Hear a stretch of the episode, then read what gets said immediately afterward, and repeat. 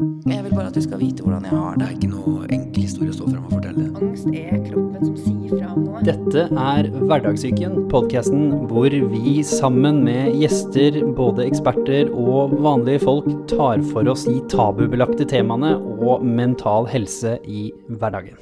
Velkommen. Velkommen tilbake til Hverdagssyken, og velkommen for første gang til deg. Takk. Det er sånn jeg føler jeg fortsatt må liksom peke på de for, um, på gjestene mine for at de skal uh, vite at de sier takk eller hei eller noe sånt. Og i dag skal vi snakke om eh, personlighet, eh, men først og fremst personlighetsforstyrrelse. Men også for å forstå det, så må vi jo forstå hva vi legger i personlighet eh, generelt. Og litt forskjellige typer, så man skal sånn grave oss litt ned i det. Og vi er så heldige da å ha med oss sjølveste. Ja, jeg heter Jane Fjermostadnål. Og dette kan du et og annet om. Eh, det kan jeg noe om. Skal jeg si litt om meg sjøl, sånn hvor jeg er i arbeidslivet og Du skal sånn? få lov til å begynne med den eh, såkalte profesjonelle beskrivelsen, ja. Så skal vi spørre deg litt mer eh, spennende spørsmål etter det. Ok. Ja, men jeg er jo da psykiater, dvs. Si jeg er utdannet lege, og så er jeg blitt spesialist innenfor psykiatri. Um, jeg var ferdig som spesialist for ti år siden, og så har jeg jobba det meste av den tiden de siste ti åra på poliklinikker for personlighetsforstyrrelse. Det er jo steder der man har utredning og så overveiende terapeutisk behandling av disse personene. Jeg har bodd i Danmark i 21 år. Kom tilbake til Norge for et år siden ca. så nå jobber jeg som leder av personlighetspoliklinikken på Ullevål. Det er et spesialambulatorium, eller spesialpoliklinikk for personlighetsforstyrrelser. Eh, og det som heter sånn tredjelinjebehandlingstilbud. Så det er noen som har vært i behandling andre steder i spesialisthelsetjenesten før, som da kommer videre til oss. Og da har de et treårig forløp med en kombinasjon av gruppeterapi og individuell terapi. Det høres annerledes ut for mange som bare hører om pakkeforløp og kasta raskt ut og sånn, så dette er da for, for, for mennesker som du sier som på en måte har kommet lenger inn i systemet, og hvor man har nå funnet ut, og selvfølgelig forskningsbasert antar jeg, at det ikke hjelper med noe 15 timers opplegg her, at eh, man må ha noe litt lengre. Ja, altså Behandling av personlighetsforstyrrelser tar litt tid, da. Og terapi tar jo generelt litt tid. Men eh, ja, og hvis jeg skal si noe mer om meg sjøl, så har jeg skrevet doktorgrad innenfor personlighetsforstyrrelsesområdet med fokus på narsissistiske forstyrrelser, som har vært sånn en særlig interesse for meg da, de siste, siste, år, siste åtte år. Ja. Og da uh, stiller vi jo det litt mer spennende personlige spørsmålet, som er jo litt sånn uh, i ditt tilfelle, da. Så, uh, hvorfor begynte du å studere medisin i første omgang?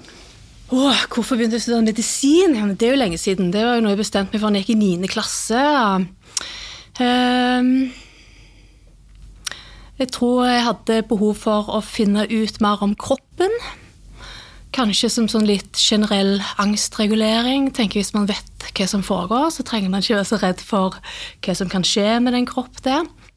Um, ja, og så tror jeg sånn Mot slutten av studiet så fant jeg ut at jeg ville inn i psykiatrien. Hva var det som gjorde det? Syns det ble litt merkelig når man sånn gikk på legevisitt og sånn og spurte inn om hjerte eller tarmfunksjon og sånn. Syns det var sånn unaturlig det der med at man bare var interessert i en liten del av den personen. Og Jeg hadde kanskje behov for liksom å, å vite litt mer om deres liv og forstå sånn sykdommen i større perspektiv. Så De siste tre årene studiet så jobba jeg som legevikar på en sånn psykiatrisk avdeling, og da fikk jeg jo litt mer erfaring med hva det var i praksis. Og etter turnus så gikk jeg egentlig direkte inn i spesialisering i psykiatri. Så det var rett og slett et felt som du følte var enda mer liksom, menneske og helhetlig, og du følte du at du fikk mer nytte av medisinen hvis du også fikk noe mer, rett og slett, som handlet om hodet vårt og tankene våre og følelsene våre og resten, resten av kroppen, måtte jeg på å si, enn det fysiske, somatiske. Ja. Nydelig. Og så sa du jo rett inn i dette her og syns dette er spennende med en gang, og har jo kommet inn med, med på å si, litt ekstra passion, kanskje. Og så hva er det som gjør at du trekker mot eh, personlighetsforstyrrelser, og at det blir et sånt spesialområde som det er i dag? Ja, altså ehm, Jeg liker jo veldig godt det terapeutiske arbeidet. Um, når man har vært i psykiatri noen år, så syns man man har jo sett veldig mye av de vanlige sånn mer alvorlige lidelser, schizofrenia, bipolare lidelser og sånn. Um, og innenfor uh, sånn en sykehusramme så er det jo mye medisin det handler om. Uh, man må prøve å ivareta personens økonomi, livssituasjon i det hele tatt. Uh, men det blir litt korte løp, da. Og jeg har bruk for kanskje å kjenne personen over lengre tid. Um, også personlighetsforstørrelsesområdet syns jeg er særlig interessant fordi det handler liksom om hele personen og deres liv. Man snakker veldig mye om relasjoner, om regulering av indre følelser og tilstander. Og det syns jeg er spennende, og det fortsetter å fascinere meg. Og så syns jeg det som er eh, fantastisk for meg, da, det er at alle mennesker, alle personer, har sin egen historie som de kommer med. De har sin egen indre virkelighet. Eh, at man kan få lov til liksom å være nybegynner, ikke vite noe om de når de kommer. Og eh, gi de lov til å fortelle sin historie. Så det å jobbe terapeutisk syns jeg jo er spennende, fordi det blir litt på samme måten som å lese en god bok, som er en annen ting som jeg er veldig glad for. Fordi at eh, historien og karakteren utfolder seg gjennom historien og over tiden. Og man får se flere og flere lag i denne personens liv, erfaringer, se hvordan de har blitt forma. Og så kan man da avdekke noe hvis de har noen uhensiktsmessige mønster i forhold til hvordan de relaterer til andre, hvordan de tenker omkring seg sjøl. Og så hjelper det med å finne andre strategier, andre måter å forstå seg sjøl på. Og da kommer vi til det store spennende spørsmålet, da, som vi sa, som er sånn innlysende spørsmål som kommer. Hva er en personlighetsforstyrrelse? Så kan du starte forklaringen på det sånn som, sånn som du vil. Og fordi Mm. det er jo veldig mange som tenker liksom For det er jo noen av disse ordene som er litt sånn innlysende. En ting er Mm. som bipolar, det, måte, det forstår man ikke helt hvis du ikke forstår Mm. kanskje noe mer, for det ordet f- sier jo ikke noe sånn rett ut. Mens Mm. en personlighetsforstyrrelse, for mange vil jo da tenke ok, personligheten din har en eller annen forstyrrelse på seg. Mhm. Det blir vel sikkert den oppfatningen de fleste har. Hvis de ikke da kjenner noen, og kjenner de noen, så, så tror de gjerne at det er det som den personen de kjenner har fortalt de om. Det er Mhm. stort sett der kunnskapen for veldig mange stopper, tror jeg, når det gjelder personlighetsforstyrrelse. Mhm. Så hva er egentlig det? Ja, du, du sier du syns at ordet er litt innlysende, men jeg opplever jo ofte at folk kanskje egentlig tror det er noe helt annet enn det det er. Jeg starter med å si at En personlighetsforstyrrelse det er jo en eh, ikke-psykotisk lidelse. Sånn at det Hva betyr det for eh, vanlige folk som ikke Ja, en psykose det er jo en tilstand der man har en form for realitetsbrist, da, kan man si. At eh, man ikke klarer å avstemme tanker og opplevelser med det som vi andre tenker er vanlig og normalt. Eh, men en personlighetsforstyrrelse er en ikke-psykotisk lidelse. Eh, sånn at det eh, handler mer om si, det som foregår i dagligdagen og i det indre livet til personen. Men jeg tenker det er kanskje viktig å starte å si noe om hva en personlighetsforstyrrelse ikke er. Fordi det er jo sånn at vi har alle sammen en personlighet. Og vi har alle sammen eh, gode og mindre gode personlighetstrekk. Um, man kan si at personligheten det består kanskje av to komponenter. Det ene det er det temperament som vi er født med. Og det tror jeg de fleste kan gjenkjenne at de vet at noen familier der folk er litt mer hissige, noen familier der folk er litt mer engstelige, litt mer nervøse. Noen familier eller søskenflokker der folk er litt mer stae eller rigide eller firkanta. Og det er sånne ting som man tenker kanskje er sånn litt mer temperamentsbasert. De som har barn, vet at eh, hvis de har flere barn, så kan de være veldig forskjellige, selv om de jo har samme genetiske opphav. Da. Så temperamentet det er- viser seg ganske tidlig i livet. Og utover det så kan man si at resten av personligheten, da, det er jo da summen av de erfaringene, opplevelsene man har, bakgrunn, på bakgrunn av det temperament man har. Så det er liksom sånn man tenker litt at det er satt sammen. Og så er det litt viktig det her med at alle har jo gode og dårlige sider. Og de fleste ja, lærer å regulere seg sjøl i en eller annen grad gjennom skoletiden, gjennom oppveksten, oppdragelse, opplevelser med kjærester, venner osv. Og, så og så finner man ut av ok, dette virker dårlig, dette virker bra, og så tilpasser man det litt. Men hvis man har en personlighetsforstyrrelse, så tenker man at man har eh, en del trekk, og mange nok trekk til at det fører til vanskeligheter i livsutfoldelsen, da. Og det Man sier, hvis man tenker sånn litt diagnostisk, at man skal jo oppfylle det som er de generelle kriterier først. Og det vil si at det er nedsatt funksjon på ett eller flere områder i livet. At livet rett og slett er litt vanskeligere, eller at man ikke kanskje har samme utgangspunkt pga. denne forstyrrelsen til å oppnå det på en måte det såkalte normale, hva nå enn det er, som for de fleste egentlig handler om et gjennomsnitt, egentlig. Normalen er jo snittet mer av resten av flokken, på en måte. Ja.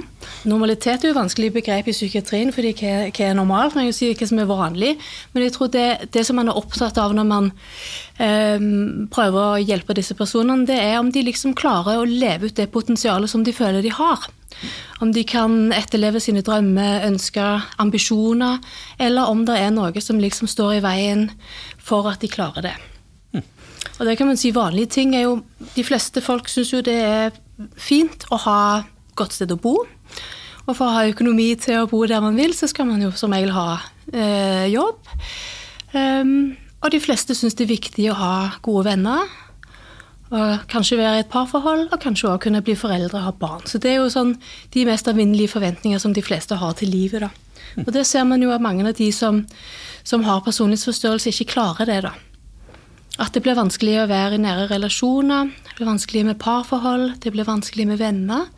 Sånn at ofte så ser man hvis man sånn starter med å, å få en liten sånn livshistorie for disse personene, at, at, det er et liv som kan være preget av mange brudd. da. De ikke klarer å gjennomføre utdannelse.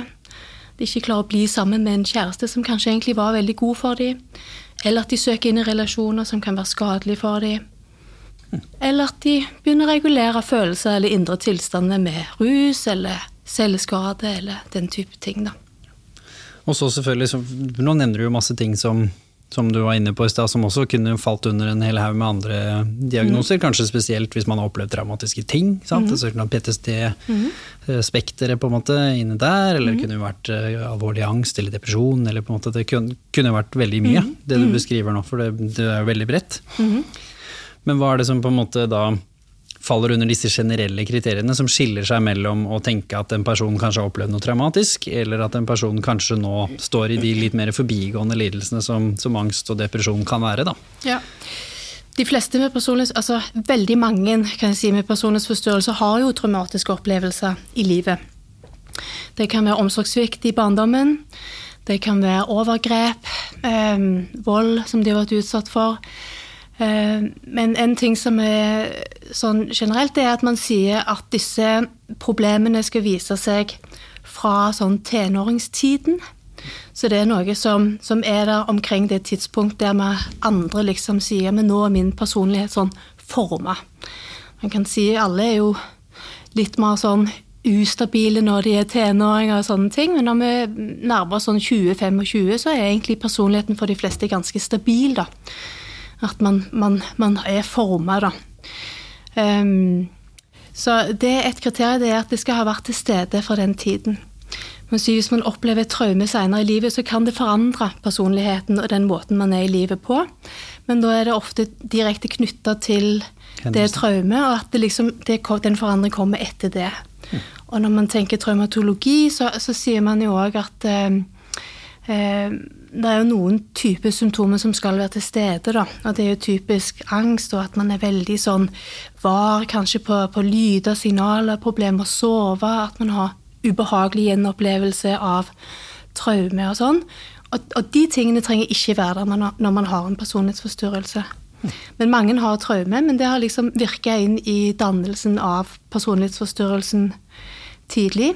Eller kan ha forsterket den, at personlighetsforstyrrelsen var der hele tiden, men at det, noe traumatisk har skjedd som har da eskalert den, fordi den på en måte har blitt eh, ekstra ja. eksponert. Nå tenker man jo ikke at barn f.eks. har en personlighetsforstyrrelse. Det er jo først når man blir sånn kanskje tenåring, da, at man kan begynne å, å, snakke om at det er noe, noe som er avvikende i personligheten. Da. Um, men um, Vet, du, vet vi liksom hvorfor man har bestemt seg for det? Er det litt som fordi du sier som alles personlighet er under utvikling, så det ville vært feil å sagt at det var der, fordi teorien som kan trekk som, som er, ville vært karakterisert som personlighetsforstyrrelse som åtteåring, kan bli borte om fem år, hvis Ja. bare ved naturlig utvikling. på en måte. Ja. Det har noe med modningen av si, både nervesystemet men, og, og hjernen, men òg sånn modning av forståelsen av hva som foregår mellom mennesker. Et begrep som man bruker mye når man snakker om eh, personlighetsforstyrrelse, det er mentalisering. Og mentalisering det er evnen til å kunne forstå eh, egne indre opplevelser og det som foregår i kontakten med andre, som en, eh, si, en sum av alle de tanker, følelser, opplevelser, erfaringer man har. Så man kan si at eh, evnen til å mentalisere er jo mye lavere når man er barn. Absolutt. Og så kommer vi jo til det store, litt spennende spørsmålet, som vi sa, ok. Da tror jeg de som hører på har fått en litt større forståelse for det generelle grunnlaget med personlighetsforstyrrelse.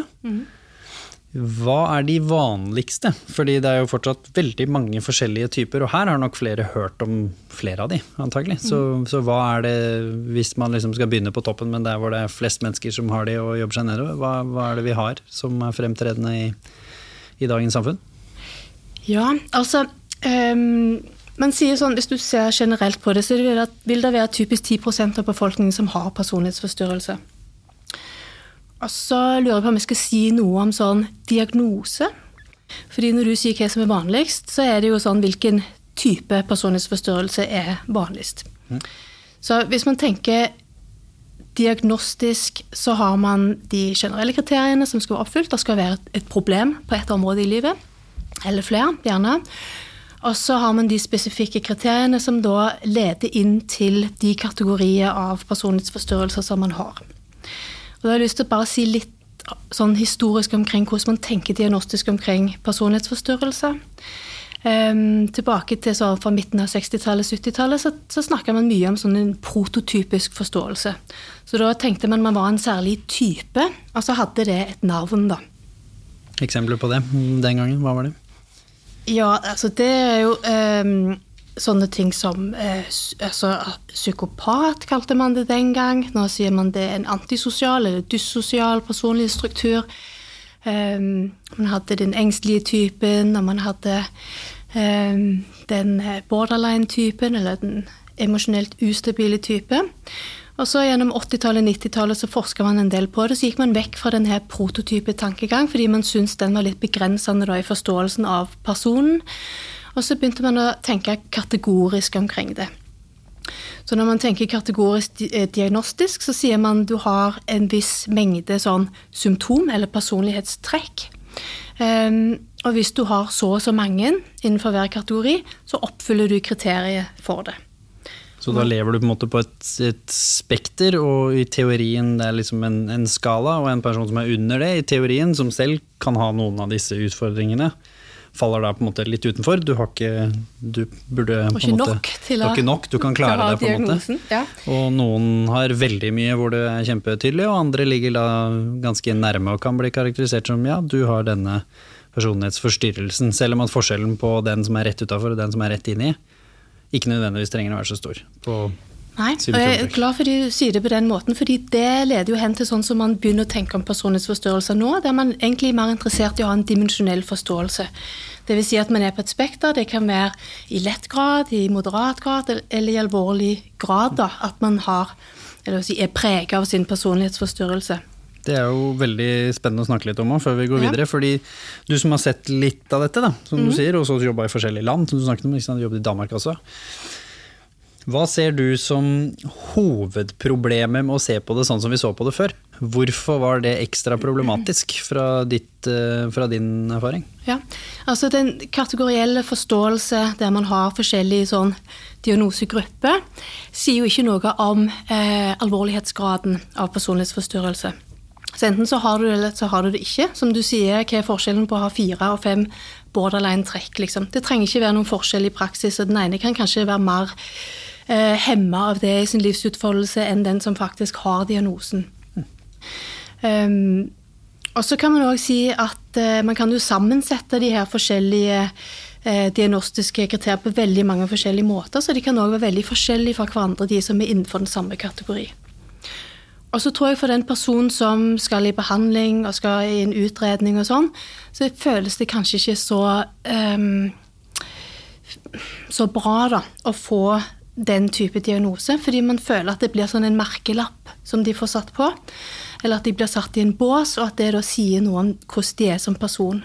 Spesielt hvis samfunnet har kanskje ekstra tanker og meninger. Du nevnte jo ordet mm. psykopat i stad, ja. eller på en måte narsissistiske trekk, eller ja. usosial. Altså ting som samfunnet har jo ganske mange meninger mm. og tanker om. Og vi mhm. kommer inn på stigma og skambiten, hvor ja. Eh, jeg kan jo kjenne meg igjen fra ADHD stempelet, på en mm. måte, som også i dag ses på litt annerledes enn det mm. gjorde den gangen. Så enten hadde du det eller ikke. Og hadde du det, så var det ganske mange negative assosiasjoner med de fire bokstavene, som gjerne handla om problembarn, aggressiv eh, Ikke minst, som du, du nevnte jo her i stad, det med temperament. At man gjerne kanskje hadde et veldig ukontrollert og et uh, ampert temperament. Mm. Så det kan jeg jo kjenne igjen fra den. At mm. hvis man da har ja eller nei-stempel, så kan jo det oppleves som kanskje spesielt traumatisk for folk som akkurat har fått det, vil jeg regne med, i startfasen, mm. men også de som kanskje ikke har så stort eh, anslag. Det er ikke så mye, som du sier. Det føles bare feil. Det kan gå begge veier. Noen kan oppleve det som stigmatiserende hvis de får en diagnose som da har et uh, dårlig rykte da, ute i byen, eller hva man skal si. Um, og så blir det jo brukt som skjellsord, noen av de her tingene sånn med tiden. Det forandrer seg. Før var det psykopat. Det, det er et skjellsord. Det vil man ikke være. Nå vil man ikke være narsissist. Det nytt skjellsord som vi bruker. Og òg borderline-begrepet eh, er òg behefta med veldig mye negative assosiasjoner. Og kan slenges ut i en sånn dårlig bemerkning om noen som kanskje har en dårlig dag eller er mye opp og ned, og så ja. kan du si 'herregud, er ja. du borderline'? På dårlig oppførsel, dårlig oppdragelse er ikke det samme som borderline. Som, som profesjonelle tenker man jo det er noe helt annet, da.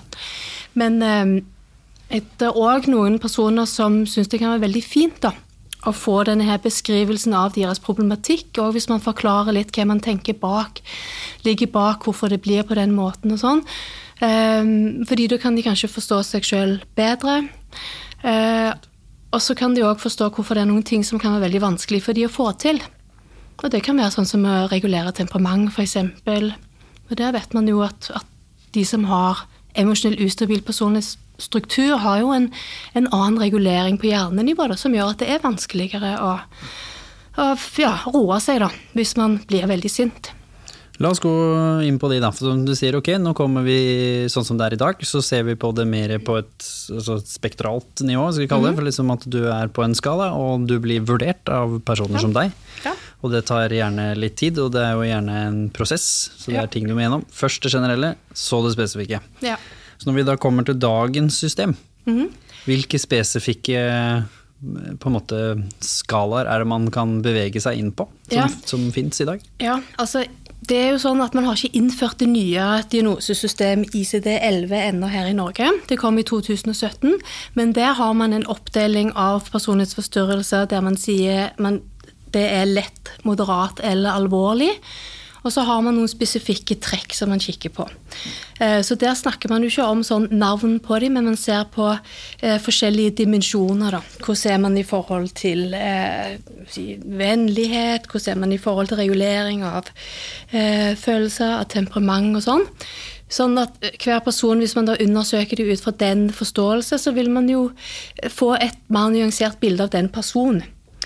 Men eh, det er kanskje litt mer upraktisk i forhold til planlegging av helseøkonomi og sånn. Fordi det man bruker diagnoser til veldig mye i dag, det er jo at man, man innrapporterer jo diagnosene på de eh, pasientene man ser.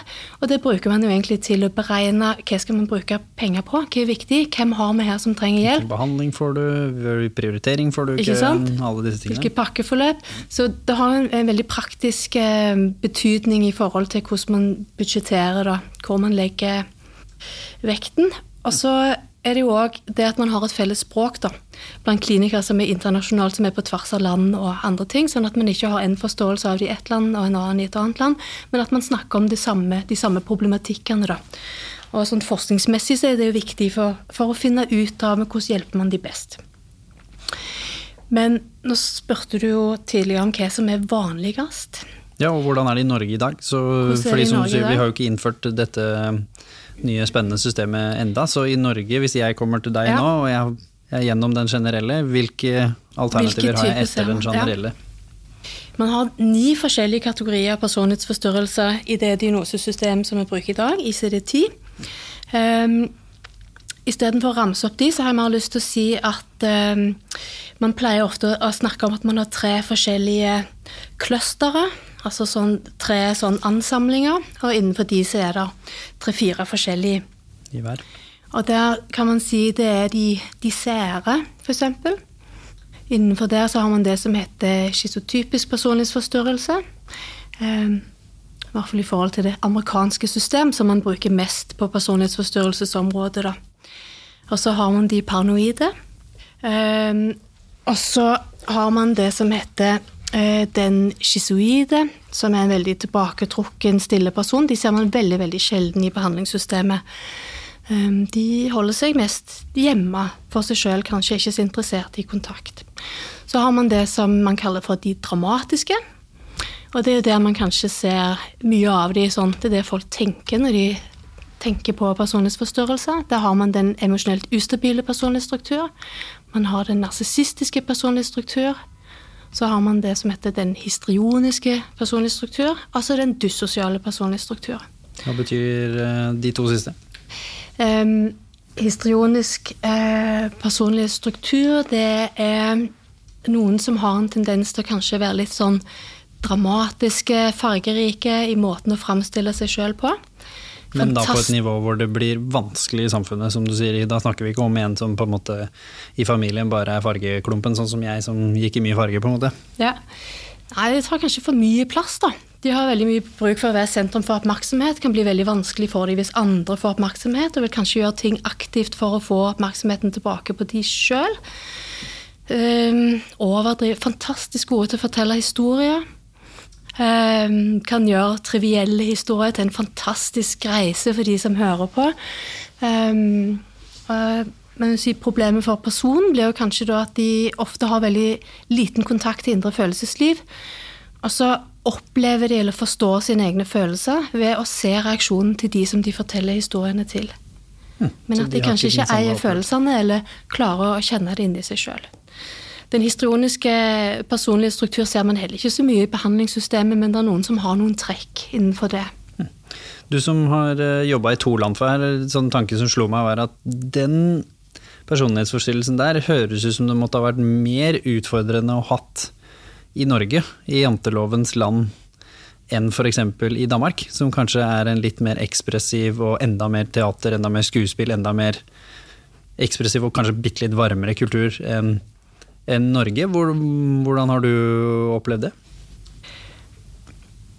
Jeg tenker det er problematisk begge steder. Jeg vil si Janteloven Nordmenn syns at det er vår lov, og danskene syns at det er deres lov. Og Sandemose var jo dansk, flytta til Norge, så han er vel begge deler.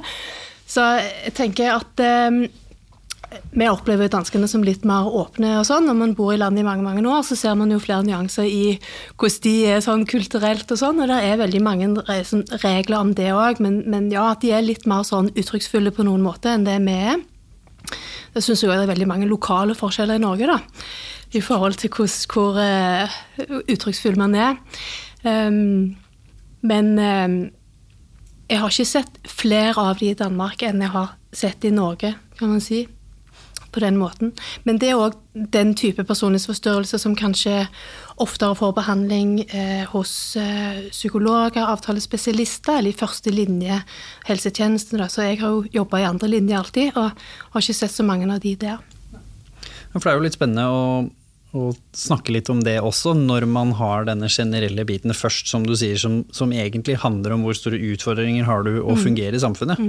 For her er det jo ikke egentlig om du har den eller ikke. Det blir litt sånn som med ADHD uten sammenligning for øvrig. Enten så er du, har du ADHD og det er en superkraft fordi du er idrettsutøver, eller der hvor du havna i livet så funka det fint, og du har ikke de utfordringene med det. Og så er det andre som hele livet er umulig, fordi de har denne på en måte ekstra, ekstra diagnosen med seg. Og det gjelder jo det samme her òg. Og da plutselig blir det jo avgjørende med samfunnsfaktorer. Som du sier, dette er jo et internasjonalt språk. Så er jo ikke Danmark og Norge de to største forskjellene, men hvis du plutselig snakker om Portugal, hvor vi har et par portugisere i, i teamet. Jeg så du også mm. snakka med hendene litt her i stad og mm. dunka litt borti bordet, fordi mm. sant, du har sikkert levd et sted hvor, hvor man er mer ekspressiv. Mm. Eh, og, og, da plutselig er det med og påvirker om personlighetsforstyrrelsen, uansett om du har den eller ei, gjør livet vanskelig for deg. Så det er jo en litt spennende ja, men da har jeg lyst til å komme litt tilbake til det jeg starta med å si, fordi man har jo lov å være sånn som man vil, hvis ikke det er et problem. Nettopp. Og noen er mer uttrykksfulle enn andre, noen er mer rolige, noen er mer eh, eh, organisert, strukturert enn andre. Så man har ikke en personlighetsforstørrelse før det blir et problem, da. Nettopp. Før det kanskje gjør at man ikke kan være i parforhold eller andre ting. Og så er det òg litt miljøbestemt. Da. Hvis man da er f.eks. skuespiller eller utøvende kunstner av en eller annen art, så kan det jo være et miljø der det kan være en, en fordel da, å ha litt flere historiske trekk. Absolutt. Fordi at eh, det kan eh, åpne noen dører, kanskje, hvis man er litt mer frampå og sånn. Jeg regner med på Teaterhøgskolen så tror jeg ikke det nødvendigvis er noen fordel å, å, ikke klare å uttrykke seg eller leve seg inn i følelsene eller fortelle historier. altså disse tingene. Nei. Men hvis vi da skal nevne den siste, fordi nå kommer vi litt vekk fra det der med de tre gruppene. Den siste gruppa er da den engstelige gruppa. Og Der har man den unnvikende personlige struktur. Og så har man den tvangspregede personlige struktur og den avhengige personlige struktur. Tvangspreget personlighetsforstyrrelse og OCD, hva er forskjellen? Er Eller likheten, for den saks skyld? Ja, da nesten spør en ekspert på det, holdt jeg på å si. Men det, jeg jobber jo overveiende med den dramatiske gruppen, da. Men eh, det er noen forskjeller i symptomtyngde. Man tenker egentlig at det er to ganske forskjellige ting. OCD det er en eh, nevrologisk dysregulering i det dopaminerge system, tenker man mye. Det er og de må ikke ha begynt i tenårene i utgangspunktet. Kan ha begynt når du var voksen, hvis jeg forsto deg riktig i stad? Ja, og øh, den tvangsprega personlige struktur er jo mer at man har veldig stort behov for si, orden og struktur, vanskelig for å avvike fra planer og sånn. Men det har alltid vært mange andre diagnoser som grenser opp til det. da. Si for Hvis man har autisme, da, så vil man jo også ha veldig mange av de trekk som andre vil oppleve som tvangspreget. At man er rigid, det skal planlegges, som kanskje avviker fra planen og sånn. Men her er det da fundert i personlighetsstrukturen. Og Grunnen til at det er viktig å skille de fra hverandre, er egentlig fordi når man tenker på hvordan behandler man det, da. Er dette noe der man skal ha medisin, eller en mer sånn atferdsregulerende terapi? Eller skal man ha en terapi der man jobber med personlig Er det mulig å forandre det gjennom de samtalene, den forståelsen man får der? Ja, og da kan vi jo kanskje snakke litt om nå, som du sier, fordi du nevnte i stad, tre år. ikke sant? For veldig mange så er det sånn, det har man aldri hørt om. ikke sant? Mm. I de fleste episodene vi snakker om, så snakker mm. vi om de tingene som, som, er på en måte hvor det å ha vært i terapi lenge. Da må du på en måte ha en alvorlig PTSD-lidelse eller noe som på en måte har satt seg voldsomt. Mm. Mens de andre ser man jo på gjerne som noe som kan håndteres raskere. Mm. Så hva er det, som, hva er det i liksom forskningen og de som, som, har gjort at vi har bestemt oss for at personlighetsforstyrrelser der trenger man eh, en tredjelinje, da. Dypere eksperter, lengre løp, mer sammensatt støtte og hjelp. Ja. Jeg kan si litt mer om, om, om det. Altså, eh, på Personlighetspoliklinikken så har man overveiende pasienter med emosjonell ustabil personlig struktur i behandling. Det som man kaller borderline òg. Um, og det er ganske unikt, egentlig, sånn i, i Norden og i verden kanskje, at man har så langt behandlingsforløp. Og det tenker jeg er eh, han som eh, starta den poliklinikk og har utvikla veldig mye den behandlingsmetode som man bruker der. Eh, Sigmund Karterud, som jo er en, en, forholdsvis kjent person for mange. Eh, jeg tenker Han har veldig mye av æren for at man har fått etablert sånn et godt og solid behandlingstilbud eh, til disse personene. Det er selvfølgelig fundert i, i forskjellig forskning, og det det tar tid å forandre strukturer. Det vet vi jo sjøl. Hvis man har en dårlig vane og vil kvitte seg med den, så tar det egentlig ganske mye tid. Det er noen som sier det tar 21 dager. Jeg vet ikke om jeg tror på at det gjelder alle ting. Det tror jeg de fleste av oss vet at det ikke gjelder alle ting. Det er noen vaner som tar lengre tid. det ja. Og hvis man da er 20 år eller 25 år når man kommer i behandling, så har man jo alle de erfaringene man har gjennom 20 år. Det er jo klart at det kan man ikke bare snu om på på et halvt år eller på, på ett år, kanskje. Det tar det litt tid å lære å gjøre ting på andre måter. Det tar òg litt tid å snakke seg inn på det som er vanskelig. Det å være i terapi, og spesielt i gruppeterapi, ehm, det tar litt tid å oppbygge den tilliten som skal til for at man tør liksom å snakke om det som er problematisk og vanskelig, og kanskje skamfullt. Ja, Før vi går inn og snakker litt om hvordan man behandler og møter disse forskjellene, kanskje spesielt eh, den som du snakker om nå, så er jo litt spørsmålet også hvor lang tid tar det ofte å finne frem til om man har en personlighetsforstyrrelse? For nå har vi jo snakket mye om hvordan du liksom finner deg frem til at ja, jeg har faktisk en personlighetsforstyrrelse, mm. Eh, og jeg, er, måte, jeg har nok av det til mm. å kunne komme inn i systemet. Mm. Hvor lang tid eh, normalt sett tar det, og hva er på en måte prosessen? Hvor ville du først gått hvis man hører på nå og tenker oi, sønnen min eller datteren min mm. eller meg selv kanskje burde undersøke dette? Mm. Ehm, det er litt forskjellig for de forskjellige personlighetsforstyrrelser. Og det er ofte sånn at de som gir størst vanskeligheter og utfordringer i relasjoner med andre i møte med verden, er mest tydelige. Så hvis man eh, blir veldig sint og havner i mange konflikter, kanskje skade seg sjøl for å regulere følelser, eller at man slår andre, eller gjør ting som er si, sosialt uakseptable, så vil man få veldig mye feedback fra omgivelsene om at dette er et eller annet med deg, du må finne ut hva det er. Um, og da kommer man kanskje fortere inn i si, behandlingssystemet.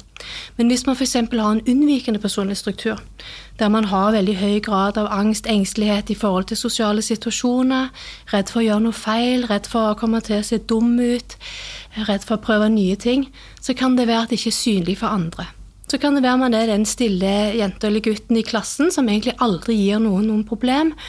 Eh, og når man er ferdig med gymnaset, så kan det være man blir sittende hjemme og havne på si, understøttelsesytelse eller et eller annet fordi man ikke tør ta skrittet videre ut i eh, videregående utdannelse og eh, jobb og det man tenker er voksenlivet, da.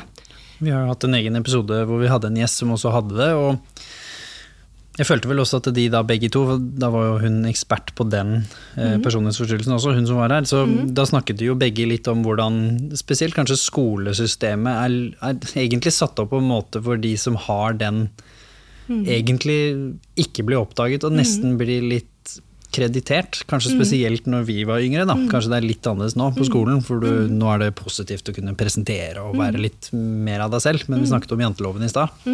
Så de som gjerne bare satt på pulten sin, gjorde det de skulle. Ikke helt mottatt av meg da når jeg vokste opp, for å si det sånn. De fikk jo aldri kjeft, på en måte. De fikk vel heller stort sett skryt. Jeg fikk jo høre ofte 'kan ikke du være mer som X', og så pekte de på en som jeg kanskje i dag ville beskrevet som en som potensielt uh, kunne mm. uh, ha vært i dette spekteret. I hvert fall en mm. som var fryktelig mye mer stille da, og mm. ikke gjorde så mye ut av seg. Og mm. stort sett bare gjorde det de fikk beskjed om, men som også mm. kanskje hadde mye angst og var unnvikende fra en del situasjoner når noen skulle melde seg frivillig, eller ikke sant, man skulle være med på ting. Ja. Det er òg noe med de altså forventninger man har til forskjellige kjønn, da, som jeg tenker er viktig her. Absolutt. Jenter skal være stille. Og, og gutter må godt være litt mer ville da, når de er små. Men eh, så, eh, ja. Jeg vet ikke om det er skolesystemet eller om det er vår forståelse av si, Eller manglende forståelse av mangfoldigheten i personligheter, det å være en person, da. Som gjør at noen ting blir veldig tydelige, og andre ting de blir mindre tydelige. Og at det er lettere å fange opp de som da ikke matcher det, som du sier. Hvis du ja. da har hun jenta som er litt ekstra utagerende, eller hvis mm. du plutselig har gutten som er ekstra stille. Mm. Så jeg vil jo tippe kanskje at det ville mm. vært lettere å oppdage en, ja. en mann eller en gutt som har da fravikende personlighetsforstyrrelse, og motsatt. En jente som kanskje hadde da mer de mm. utagerende trekkene. Så hadde man veldig lett sånn hei, deg er det noe galt med, fordi du er ikke som normen. Mm. Så Ser du det i systemet? Det, det, det, er veldig forskjellig, da. Men det, det, det kan jo være noen opplevelser og erfaringer i livet som gjør man tenker nei, dette går ikke lenger, nå må jeg prøve å få hjelp. Det kan være noen utenfra, foreldre, venner, lærere, kjærester som sier 'dette må du prøve å finne ut av hva er', om det kan bli bedre og sånn. Og så kan man jo bli henvist på forskjellige måter, som regel via fastlege, så kommer man inn i psykiatrien, og som regel vil man med en personlighetsforstyrrelse i første omgang komme til en DPS. Der man kanskje har noen samtaler og litt utredning, og hvis man tenker de skal videre til oss eh, på eh, si, spesialpoliklinikken, eh, så kommer de inn til oss, og da bruker vi mellom to og tre måneder på en utredning. Så lager vi en veldig grundig utredning, bruker tid til å høre på deres historie. Hva er dine problemer, hva vil du jobbe med, hva er vanskelig, hva er hemmende eller ødeleggende for deg i ditt liv? Og så har man en rekke sånn standardiserte intervju og spørreskjema som de utfyller, der man prøver å få et inntrykk av hva er symptomtrykket, da, hva er lidelsestrykket, og hva er det problematiske området. Og det danner da bakgrunn for det man jobber med i terapien. Og om du da får lov å gå videre, sant? eller ikke. Det, det kan hende at dere får noen da inn og sier nei, her er det ikke tilstrekkelig. Det kan skje, ja. Ikke så ofte kanskje, men fordi Ja. man har jo vært gjennom noen andre ledd på veien, men Ja. det skjer. Eller at man har eh, mange av noen trekk som man vet eh, er vanskelig forenlig med terapi. F.eks. hvis man har veldig mange paranoide trekk, er veldig mistenkelig på folk omkring seg, er vanskelig for å ha tillit, tror folk de er ute på å skade en eller vil en det vondt, da, så kan det bli veldig vanskelig å sitte i gruppeterapi, f.eks. Veldig vanskelig å bruke grupper og bruke hverandre i grupper fordi man ikke tør å stole på det. Så der kan man jo da velge å, å, å foreslå en annen type behandling for de personene. da. Og de som du faktisk får inn, da, som til slutt kommer inn, de har jo, det hører vi jo bare på tidsperspektivet ditt, og de, de har jo vært i det en stund. De har antagelig slitt en stund før de søkte hjelp, og så har de vært inne i en mølle som til slutt fører til dere. Hvilke utfordringer er det de gjerne peker på som de syns har vært vanskelig med den lange prosessen? Og det å liksom komme frem til slutt til noen som endelig forstår meg, på en måte, når man, når man endelig får et svar. Da. Det er ofte det med å føle seg misforstått av sine omgivelser. Eh, mange har òg en erfaring det, De har fått det veldig veldig vanskelig i noen perioder. Kanskje vært innlagt, kanskje på tvang. Kanskje etter et selvmordsforsøk eller alvorlig selvskade og sånn. Eh, og Der kan du jo ha en opplevelse av kanskje bli stigmatisert i helsevesenet, dessverre, noen ganger. At hvis du har, hvis man tenker du har borderline, ja, men da skal du bare ta det sammen. Det er jo ikke sånn vi tenker omkring emosjonell ustabilitet. Um, eller at de har fått andre diagnoser. Kanskje de har fått en bipolar diagnose eh, eller en annen diagnose, der man har prøvd masse medisin for å regulere de, der de har opplevd de kanskje har fått det verre. De følt seg veldig trøtte, veldig hemma, og ikke kunne fungere i livet da, fordi at man har liksom fokusert inn på feil ting. Veldig mange opplever når de, når de kommer hos oss, da, at, de, at det er veldig veldig fint å lande på rett hylle, liksom. Eller snakke med noen som forstår deres problematikk, og så kan se de som en person i de problemene de opplever, da. Merker du litt det som vi snakket om i stad? Ser du noen tydelige sånne kjønnsutfordringer, eller samfunnssynet på kjønnsutfordringer i hvem dere får hos dere? på en måte? Altså Er det en stor overvekt på det ene kjønnet, og, det ikke matcher statistikken du vet er i samfunnet på det? Ja. Det tenker jeg, Vi har jo eh, overveiende jenter, da. Eller kvinner i behandling. Vi har òg eh, noen menn. Men eh, hvis man ser sånn statistisk, så tenker man jo kanskje at det er sånn to til én eller et eller annet i forhold til altså kvinne-mann i forhold til diagnose med emosjonell ustabilitet. Om det er et reelt bilde eller ikke, det vet jeg ikke. Men jeg tror det er òg noe kulturelt. For eksempel eh, menn som opplever stor grad av følelsesmessig ustabilitet, velger kanskje å regulere seg med rus, falle inn i kriminalitet. Eh, og eh, man ser det kanskje i fengsel snarere enn i psykiatrien, da. Mens for jenter så er det Man vet jo at det er flere menn enn kvinner som bruker rusmidler, da. Spesielt illegale rusmidler. Sånn at det vil ikke være en naturlig vei å velge, kanskje. Men da vil man kanskje velge å regulere seg på andre måter. Mer med selvskading? Hvor det er Selvskading f.eks., eller i relasjoner at man søker Man kan være spenningssøkende, søke eh, inn i forhold som da er destruktive og skadelige for dem.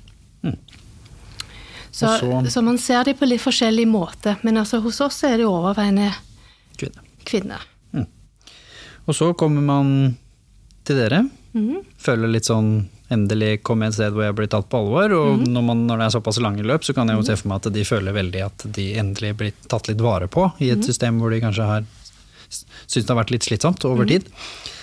Hva, hva gjør dere så? Hva er på en måte liksom hvis du da skal snakke om den som du jobber mest med, da. Så Mm. hvordan er det for de da som kommer til deg og dere? Nå har jeg nok av trykkene til at jeg får være med i dette lange behandlingsløpet. Hva, Hva er det vi jobber med? Ja. Ja, altså eh, man kan si Når man har en personlighetsforstyrrelse, så pleier man å ha eh, problemer på to forskjellige områder. Det ene er det man kaller det intrapsykiske, dvs. Si intra det som er inni. Sånn som man opplever seg sjøl innvendig. Hvor god man er til å avlese egne følelser, forstå egne reaksjoner og regulere seg følelsesmessig. Så eksempel hvis man blir lei seg, så eh, oss andre har kanskje forskjellige strategier til liksom å få det litt bedre, da. Um, men det kan være veldig vanskelig, og de kan føle at de liksom bare faller helt ned i denne uh, tristhet og ikke klarer å komme seg ut av det. Uh, eller at man blir så sint at man ikke klarer liksom å, å regulere seg ned igjen. Så det intrapsykiske, altså den indre opplevelse av seg sjøl og eget følelsesliv, det er den ene delen. Og den andre delen er det man nå kaller det interpersonelle, altså det som foregår mellom personer. Og det er jo det at det som skjer i relasjonene, og det opplever jo veldig mange at de har vanskeligheter i relasjoner. At de kanskje misforstår andres intensjoner. De tror at andre har en negativ hensikt, der det egentlig er nøytralt. At de leser det som skjer, på feil måte. Um, eller at de gjør ting som kan være uakseptable for andre, da. Hvis de blir for sinte, sier noe som kanskje er for sårende eller for krenkende for andre. Sånn. Eller havner i store konflikter. Du er for eksempel i utdannelse og arbeidsliv sånn, så er det veldig problematisk hvis du ikke klarer å falle ned i en rolle. altså Holde deg innenfor grensen av hva som er si, forventa oppførsel. da. Så man jobber med, med begge deler. Vi jobber mye med følelsesregulering. Og følelsesreguleringen starter jo med at man forstår sine egne følelser. Mange som har emosjonell ustabilitet, har det som man kaller for aleksytymi. Det betyr at man ikke klarer å avlese eller forstå egne følelser. Hva slags problemer kan det skape? Hva er det du typisk ser er problematisk med det? Man, man merker kanskje ikke så godt eh, nyansene i følelsene. Sånn at det, man først kjenner det når det kommer ut i ytterpunktene. Sånn, de fleste andre kjenner, vet godt vi kjenner det, begynner å bli sånn litt irriterte. Sånn, nå kjenner jeg dette irriterer meg litt. Og så sørger man kanskje for å fjerne seg fra den situasjonen, eller få en snakk om hei, hva skjer her, og hva holder vi på med nå? Og så får man liksom regulert seg ned før man kommer opp i det røde feltet, da. Fordi det som skjer hvis man blir for sint, og det kjenner alle sammen, det er at man klarer ikke tenke klart. Hva er det som egentlig skjer? Den prosessen, for det er jo litt sånn spennende. Uansett om man blir som du sier, for sint, eller for lei seg, eller for frustrert, eller på en måte ytterspekteret. Ja. Hva er det som egentlig kjemisk foregår, som gjør at vi sånn Det oppleves som vi blir mindre intelligent, på en måte, i Ja. den situasjonen? Ja. Um, ja, altså Det med liksom ikke kjenner nyansen i det, om man først blir klar over at man er sint når man er galsinte, f.eks., det, det er jo at man har en manglende nedregulering i hjernen. Hvis man, på, hvis man prøver å tenke sånn veldig overordna på det, sånn neurobiologisk da, for emosjonell ustabilitet Man har skanna masse av disse pasientene, og man ser at deres hjerner fungerer faktisk på en annen måte. Eh, hvis vi tenker at vi har det man kaller for pannelappene, sånn litt eh, overordna sagt, det er jo det de vi bruker når vi tenker, liksom. Når vi tenker på det fornuften, det vi bruker når man prøver liksom å tenke ja, ok, dette irriterer meg, men jeg forstår godt at han kanskje ikke mente det på den måten, så derfor klarer man liksom å dempe seg, da. Og følelsene de oppstår jo ofte i det som man kaller for det limbiske system, altså krypdyrhjernen, kaller man det ofte. Og det er jo der når man liksom kjenner på sinne eller de her sånn følelsene som kommer. Så det som skjer for de fleste av oss andre, det er hvis man kjenner åh, nå blir jeg skikkelig irritert. Så bruker man liksom pannelappene til å regulere ned, til å roe seg ned og si ja ja, ok, han mente det ikke sånn, eller det går over, eller kan gå vekk, eller man klarer å dempe seg, da. Men der ser man, hvis man skanner disse personene, at den der, det man kaller for den frontolimbiske inhibering, altså hemmingen fra pannelappene til kryptohjernen, det fungerer ikke optimalt. Så hvis de ikke når å fange det før det liksom blir for intenst, så kommer de opp i det røde feltet, der det blir så rasende, og da klarer de ikke å regulere seg ned. Og det tenker jeg er en veldig viktig ting å forstå i forhold til det med emosjonell ustabilitet. At det med andre Hvis vi blir sånn skikkelig, skikkelig, skikkelig sinte, så varer det kanskje ti minutter, kvarter, halvtime. Og det er veldig ubehagelig å ha det sånn. Og da tenker man ikke særlig godt. Men for disse personene så kan det kanskje ta fire, fem, seks timer, kanskje en dag. Prøv å forestille liksom å være sånn rasende så lenge, fordi at hjernen ikke klarer å regulere deg ned. da. Gjelder det da bare sinne, eller gjelder det da alle på en måte spekter av følelser? Den samme manglende kommunikasjonen og overstyringen fra, fra frontlappen? Eh, jeg, tenker det med liksom å få brukt den, den ressurs som, som pannelappen er, ganske viktig i forhold til regulering av følelser. Eh, men for eksempel, hvis du snakker om sånn, det å være lei seg, for eksempel, så vet vi jo godt at ja, hvis, man, hvis, man, er trist, eller noe som er trist, så kan man enten sånn tenke seg mer inn i det triste. Å, men det er òg bare fordi at jeg er elendig og jeg får det ikke til, og det har jeg aldri fått, og sånn er det alltid. Og dette går aldri over, og så blir det verre og verre og verre. Så blir det sånn nedadgående spiral da, av negative tanker og følelser. Så der kan man jo, som å si, eh, øve seg i å tenke noe annet, da og si ja, jeg er lei meg nå, men jeg, jeg, har lov til å være lei meg nå fordi det som skjedde, det var trist. Så det er greit å være lei seg nå, men jeg vet at om et par timer så har jeg det bedre. Eller i morgen er en ny dag. Da har jeg det annerledes, liksom. Sånn at man på en eller annen måte kan bruke sånn tankene da, til å trekke i den motsatte retning. Da. Det er rett og slett ikke like enkelt for noen da, som, som, rett og slett har da, denne personlighetsforstyrrelsen. Mm. Mm. Hvor um, når man kommer inn, når man jobber med veldig mange av de andre tingene, så vi var litt inne på det i stad, men skam på en måte tar mye plass og hindrer hindrer fremgang, antagelig, for mhm. veldig mange diagnoser. Mm. Eh, hvor på en måte stort problem er det i, i den unnvikende personlighetsforstyrrelsen, nei, emosjonelt ustabile personlighetsforstyrrelsen. For det er jo en, en personlighetsforstyrrelse som vi var inne på i stad, som jeg mhm. tror veldig mange har hørt om. Som er mhm. den typiske som også kan bli misbrukt som et litt sånn slengord. Mm. Ja, tenkte jeg vil si to ord om sånn forskjellen på skyld og skam, da. Fordi man tenker Skyldfølelse det får man når man vet man har gjort noe feil. Har gjort noe feil. Eh, skam det er en følelse av å være feil. Det er noe galt med meg. Jeg er på feil måte. Og Da tenker man i forhold til sånn utvikling av personlighetsforstyrrelse, apropos sånn i forhold til dette her med hva skjer gjennom livet og barndommen. Um, skamfølelsen hører til et tidligere stadie av utviklingen. Skamfølelsen den kan bli veldig dominerende når man ikke har sånn en, en, en tydelig, klar forståelse av avgrensning av seg sjøl som person. Så hvis man da får kjeft De som har barn og sånn, vet at ungene de er sånn tre-fire år, får kjeft, så ser man den der skammen som kommer, blikket kommer ned, og 'å, jeg vil være aleine', springe inn på rommet. Og så må man gå og si 'nei, nei, nei, det er helt greit, jeg vet at du ikke mente det', eller 'du ikke visste at det var galt', og sånn. Og så er det liksom den prosessen man er i. Så det er den følelsen man får når man har skamfølelse. Men skyld, det er litt seinere, når man vet 'jeg vet jeg ikke har lov til det'. Så skyldfølelsen henger mer sammen med den der opplevelsen man har av at man har gjort noe feil. Og jeg visste det var feil, jeg gjorde det. Og jeg har skyldfølelse.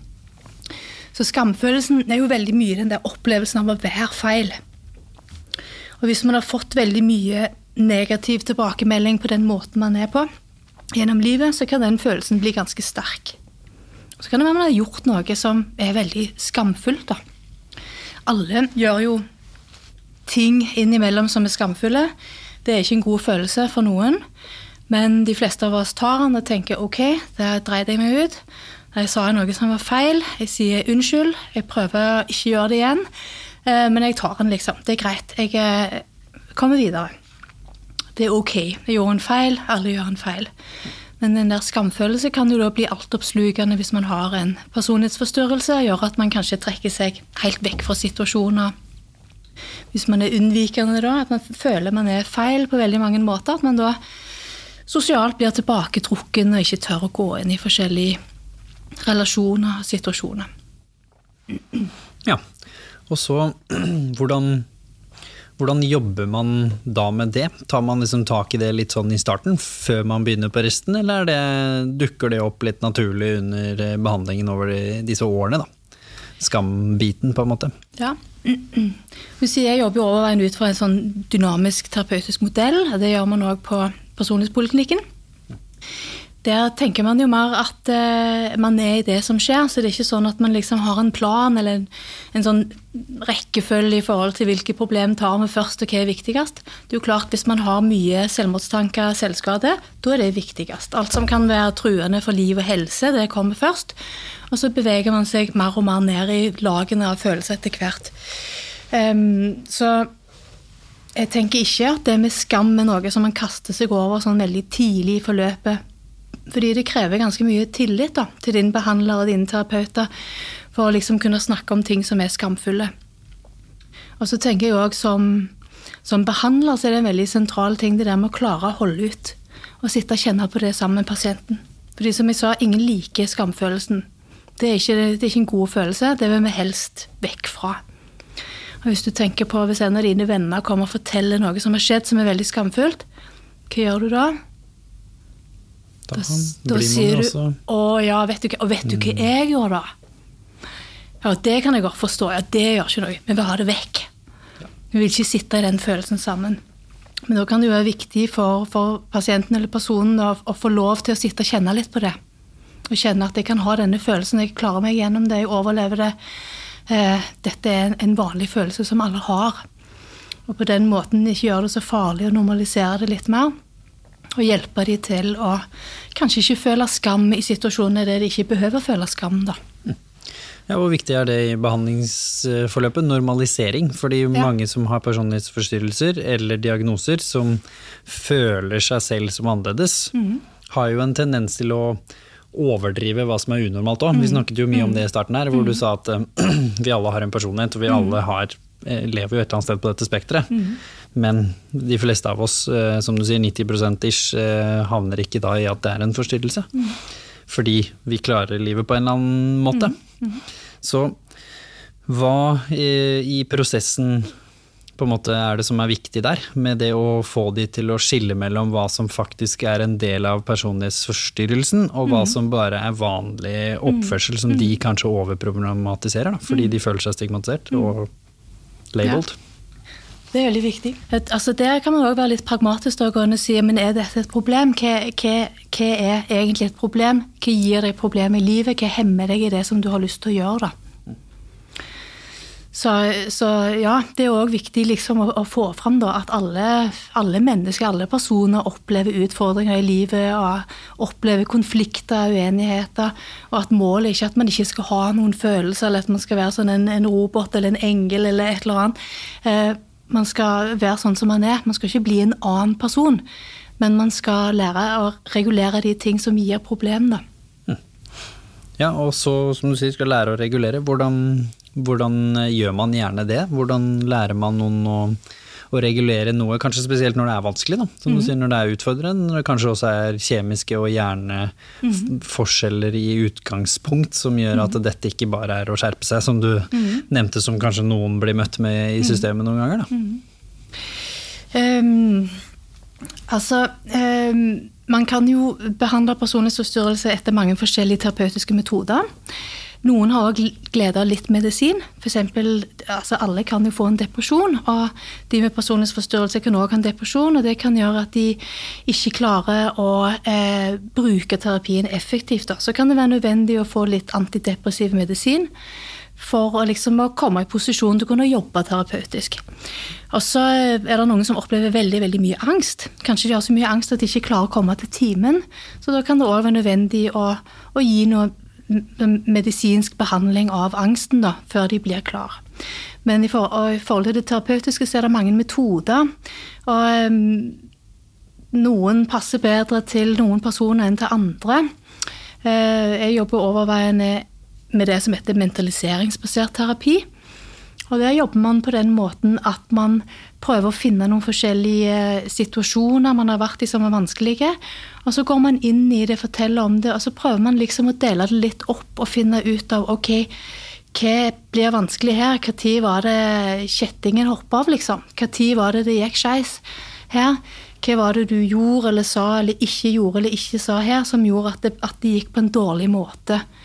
Så der prøver man liksom å gå tilbake og kikke litt på de opplevelsene man har, og forstå de eh, i et litt bredere perspektiv, kanskje prøve å forstå det Hva, kan vi forestille oss foregikk inni den andre personen? Hvorfor sa den personen sånn? Eh, var det meint negativt, eller var det egentlig ganske nøytralt? Eh, sånn at man får en større forståelse av det, da.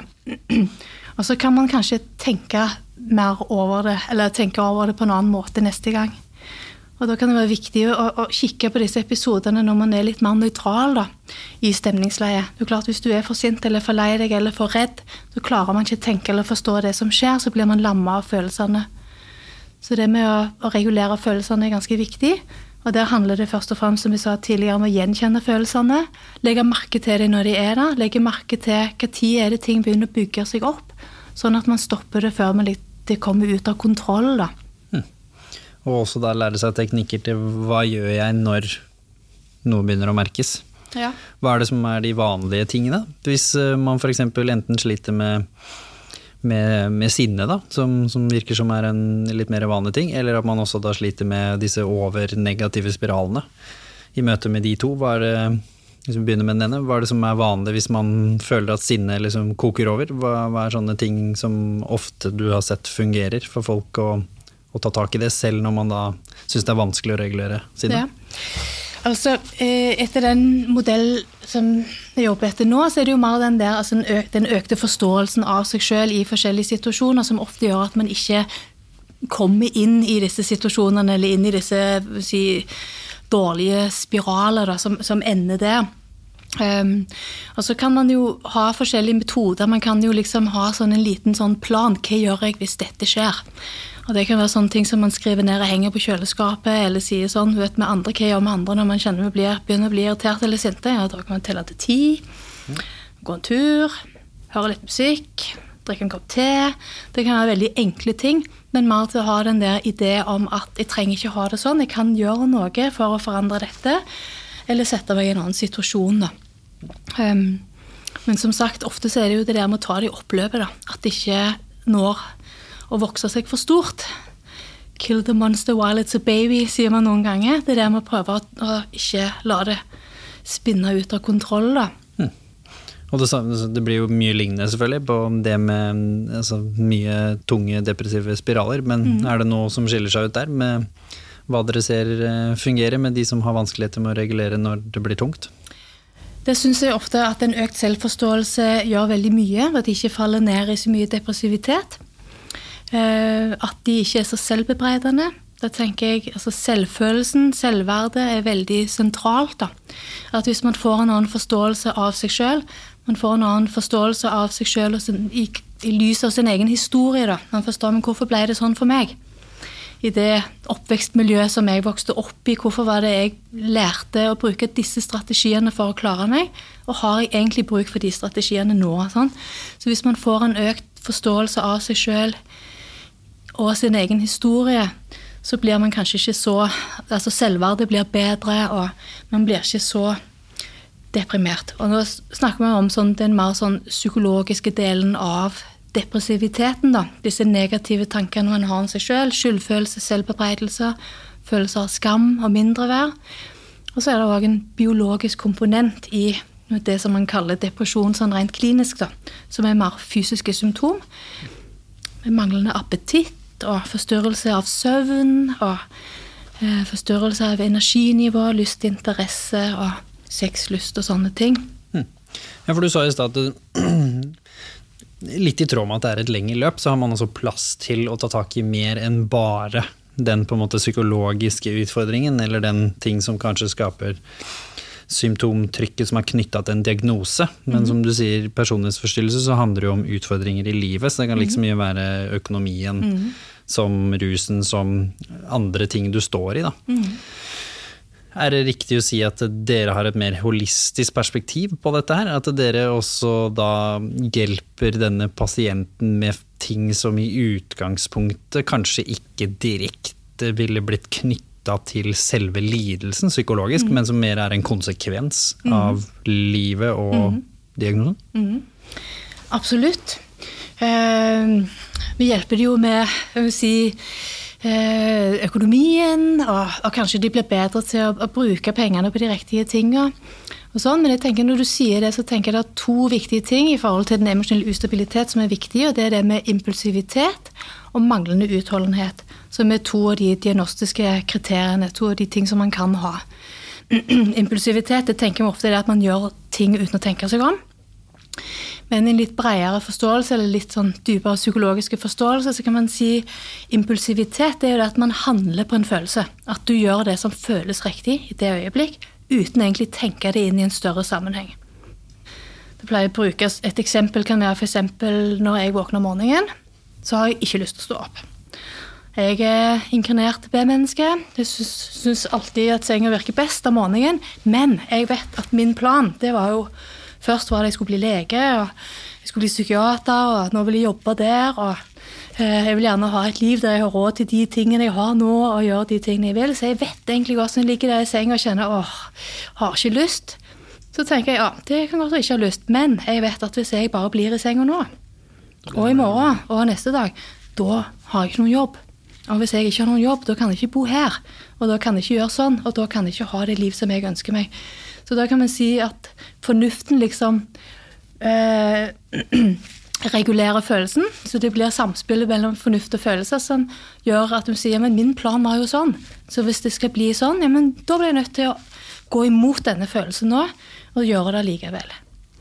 Um, så det med impulsivitet det er at man enten gjør noe fordi det føles riktig, eller man ikke gjør noe fordi det ikke føles riktig. Et annet eksempel kan jo være det der med Det tror jeg alle kjenner hvis man har en avtale med noen. Skal på kino klokka åtte. Så kommer litt seint hjem, er litt trøtt, kaldt, det regner. Så tenker man åh, har egentlig ikke lyst, gidder ikke. Men hva gjør man? De fleste går jo fordi det er vennen din, eller du føler noen Ja, forpliktelse. Eller, og innerst inne vet du at å, jeg har jo gleda meg til den filmen, og så begynner du å snakke til deg selv på et Og så vet man ofte av erfaring at ja, når jeg kommer fram, da blir det kjekt. da. Så hvis jeg bare liksom ignorerer den følelsen litt nå, så blir det bedre da i siste ende. Men der kan man jo si det er mange som da som har en personlighetsforstørrelse, som kanskje velger å bli hjemme. Sånn at det kan spolere relasjoner. Venner kan bli sure fordi man ikke overholdt en avtale, eller at man ikke fikk gått på det kurset eller det foredraget man ville. og sånn. Så det, det, der kan man si Impulsiviteten leder veldig mye til det man kaller manglende utholdenhet. Altså det at det blir veldig vanskelig å holde fast i en plan. Ja, det øker vel også da manglende gode mestringsopplevelser Ja, på det, som nemlig. Mhm. gjør jo at eh, der hvor du og jeg vet at, som du sa, Mhm. ja, det blir bedre fordi jeg gjorde det for en uke siden det samme, og Mhm. da satt jeg igjen med en god følelse. Hvis du ikke gjorde det for en uke siden, og heller ikke de siste ti årene, så Mhm. har du jo ikke noe bevis på at eh, ja, men hvis jeg går på kino nå, så selv om jeg ikke har lyst, så kommer det til å bli gøy. Mhm. Ja. Da blir det litt problematisk, for da mangler du jo perspektiv, Mhm. rett og slett, til slutt. Som blir jo en, enda et ledd i hvorfor det er ekstra vanskelig, da. Ja. Så det er jo en del av det altså, En del av terapien handler jo om å snakke om hvordan, man har det med seg sjøl, og hvordan man har det innvendig, men òg det som skjer ute i verden. Og så at man begynner å tenke ok, jeg kunne gjøre det på en annen måte. Kanskje jeg bare skal prøve å, å gå, selv om jeg ikke har lyst på den der avtalen. Og så kan man jo avtale med seg sjøl men hvis jeg føler jeg får veldig mye angst, eller føles veldig feil, så kan jeg jo gå hjem. At man kan ha en annen strategi da, som gjør man kan prøve seg på noen nye erfaringer, nemlig oppleve mestring.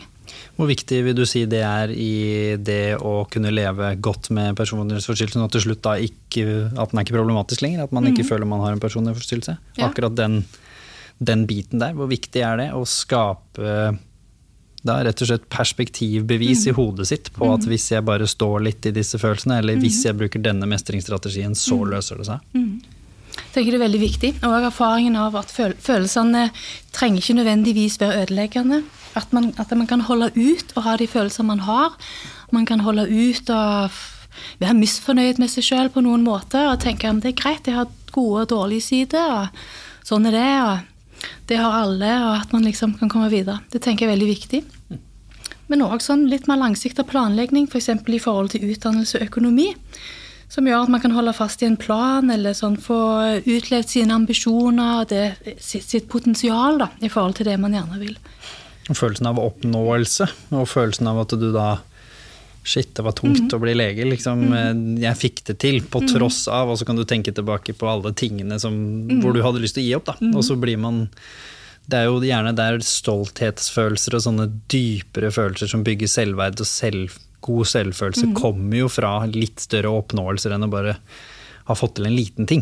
Vi må jo gjerne ha litt større ting, spesielt i et samfunnsperspektiv og et samfunns sosialt perspektiv, Ja, men for å kunne vil jo se være på det er som helt suksess. individuelt, da. Altså, hva som, hva som er viktig for hver enkelt person, og hva det er noe som kan være en liten ting for noen, kan være en stor ting for andre.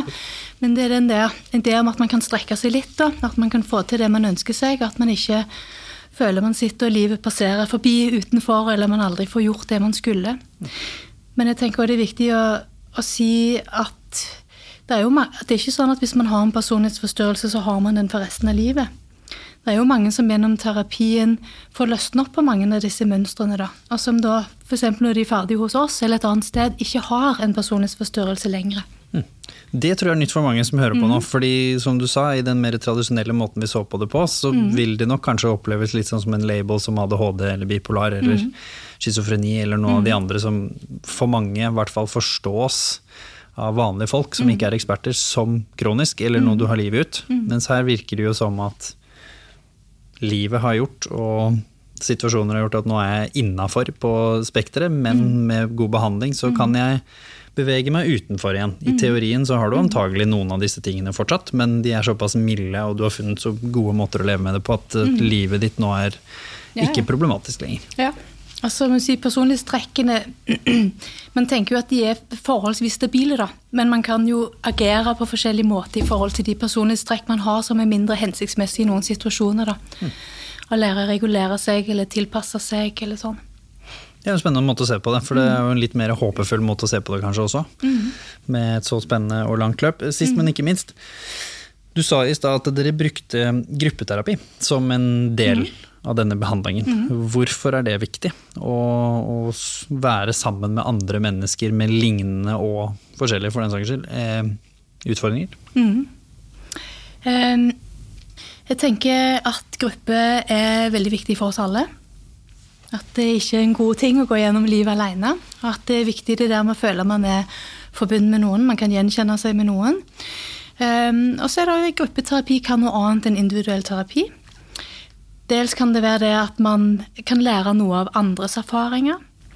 Eh, at det kan virke lindrende å høre at andre har opplevd det samme. Jeg er ikke den eneste i verden som har det sånn her. At man kan utfordre en annen på en annen måte.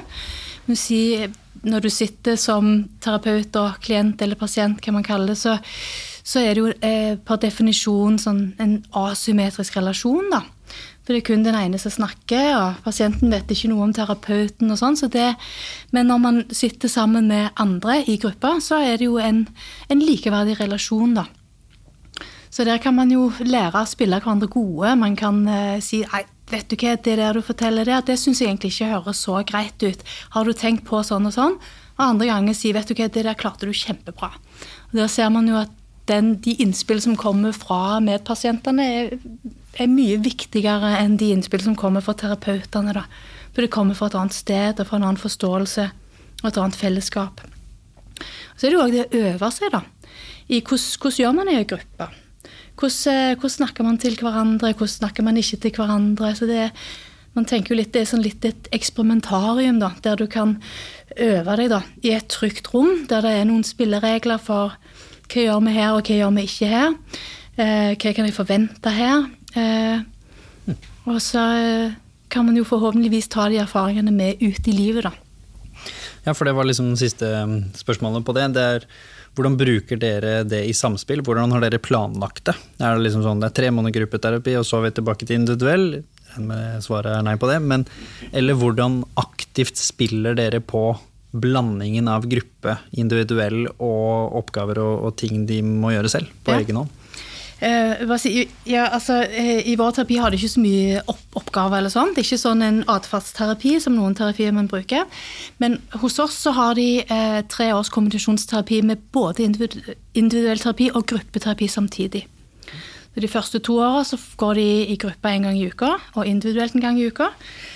Og det siste året så pleier man å gå ned til individuell terapi annenhver uke. da.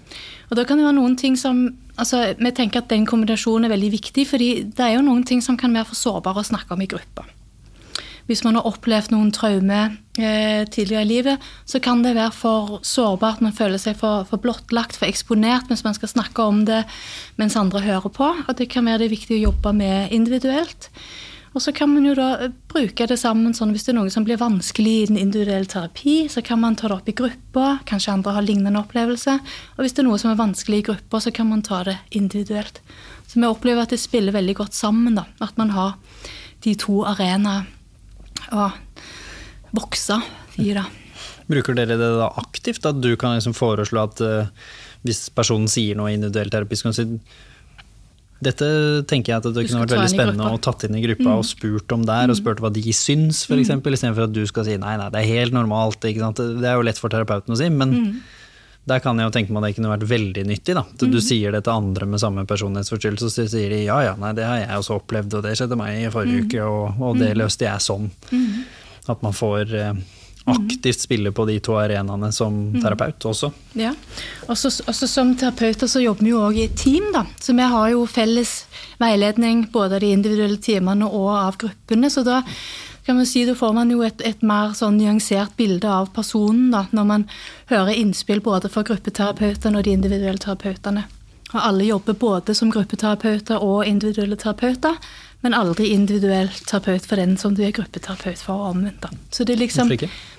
Um, ja, men Det kan jo være fordi hvis du, hvis du går i individuell terapi hos en av dine gruppeterapeuter, så kan det være du har snakka om noe i den individuelle terapi som da terapeuten sitter med og vet i gruppen, men som du kanskje ikke har lyst til å snakke om i gruppen. Det er bare et tillitsaspekt, rett og slett. Det føles tryggere å gjøre det sånn. Ja. Hmm.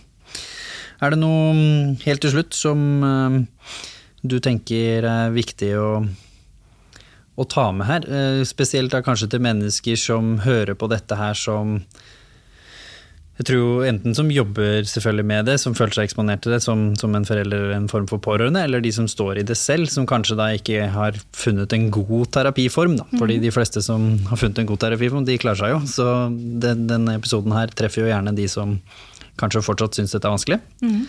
Har du noen eh, råd og tips og tanker til hvordan de i så sted kunne ta tak i ting, og kanskje utforske ting, da, for å begynne på en vei som enten havner hos dere, eller havner mm. på et sted hvor de klarer livet litt bedre selv?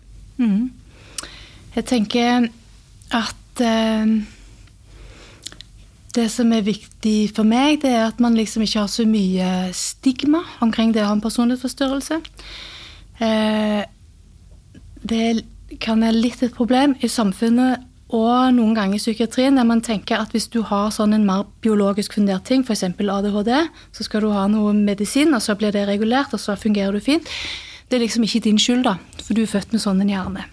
Men hvis du har en personlighetsforstyrrelse, og det er liksom hvordan du oppfører deg sammen med andre, så er det en tendens til man tenker at ja, men det er din skyld. Så jeg tenker Det er viktig å si det der med at det, det er ikke noen som kan for at de har en personlighetsforstyrrelse. Det har de i kraft av de opplevelsene de har hatt gjennom livet. Eh, og de har utvikla noen uhensiktsmessige strategier for å kunne klare seg å overleve. Så hvis man tenker at personlighetsforstyrrelsen det er jo en måte man har lært å klare seg på, men seinere i livet så kan det gi en del problem og bli uhensiktsmessig og hemme livsutfoldelsen. Så for meg er det viktig det der med at det, det er ikke ens egen skyld. At, at skammen omkring å ha en personlighetsforstyrrelse kan bli tatt vekk. Og så det å vite at dette kan man jobbe med og gjøre noe med. Og så òg at man skal forvente at det tar litt tid. Fordi dette er jo de mønstrene du har bygd opp gjennom hele livet. Så når du skal begynne å omstrukturere og tenke annerledes omkring tingene, så skal du øve deg en stund da, for, før det virker. Så ha litt tålmodighet og ha litt tid uh, med det. Og så òg den økte forståelsen av at uh, dette er en lidelse eh, som de ikke kan få de ha. De gjør det ikke med vilje, men fordi det er sånn de har lært det. Og fint å ha litt ekstra håp, som du sier, mm. om at det, det er mulig mm. å, å, få gjort noe med dette, som gjør at mhm. man lever bedre med det, og til og med da etter hvert kan på en måte ta bort diagnosen igjen. Mm. Ja. Det er nok nytt for mange. Ja. Tusen hjertelig takk som kom. Ja. Veldig spennende. Selv takk. Gravet ned i et eh, tema som, eh, som har dukket opp med sånne bitte små mellomrom, men som vi ikke har gått eh, sånn ordentlig i dybden på som dette før. Mm. Det setter vi pris på. Ja, Tusen takk. hjertelig takk til alle som hører på. også. Takk for at jeg fikk komme. Bare hyggelig. Med glede. Og ikke minst eh, takk til eh, alle andre der ute som hører på, som også jobber med disse tingene. For vi vet jo at det er veldig mange fagfolk som hører på. Husk å dele episoden, både for å spre det blant eh, kolleger. Det kan skape mye gode samtaler. Vi vet at det er en del fagpersoner faktisk som hører på våre episoder før de fagsamtaler som man har, og diskusjoner som man har internt på på institusjoner og fagsteder og på legesentre og, og sykehus. Så det syns vi er ekstra moro. At det ble brukt til det også, for å kunne kanskje løfte og spre god kompetanse, men også skape et god dialog og diskusjon. For det blir det fremgang av, tror vi. Og ikke minst hjemme kan skape gode diskusjoner og samtaler mellom personer, og at man kan føle seg litt tryggere i at ja, jeg må nok utforske dette litt mer hos meg selv eller hos noen andre rundt meg. Da. Sånn at man kan få litt fremgang på ting som kanskje man har holdt og båret på veldig lenge. Og nå fikk vi jo også opp at du sa at det er ganske mange av disse personlighetsforstyrrelsene som, spesielt kanskje unnvikende, som eh, av og til holder seg selv borte fra behandlingssystemet. Så hvis du føler at du er en av de, eller mistenker det om deg selv, ta nå dette som en liten oppfordring til at du kanskje skal prøve så godt du kan, selv om det er jo ekstra utfordrende for deg, til å utfordre deg selv, til å møte da Eh, et system og behandlingssystemet, og kanskje se om du finner noe spennende hjelp der til at ting kan eh, bli bedre, og tørre å snakke litt om det. Så eh, da ønsker vi dere alle sammen en ekstra fin dag, og så er det bare å fortsette å sende inn forslag til hva vi skal snakke om, og gjester. Og ikke minst andre ting som dere ønsker å vite mer om. Så still oss gjerne spørsmål, da får dere svar. Uansett hvor det er, og om det er på sosiale medier, så prøver vi etter beste evne å svare der også. Så finner dere selvfølgelig litt ekstra informasjon etter hvert om dette her, som dere kan bruke til å se om dere får lært enda litt mer enn vi hadde i episoden også. Tusen takk.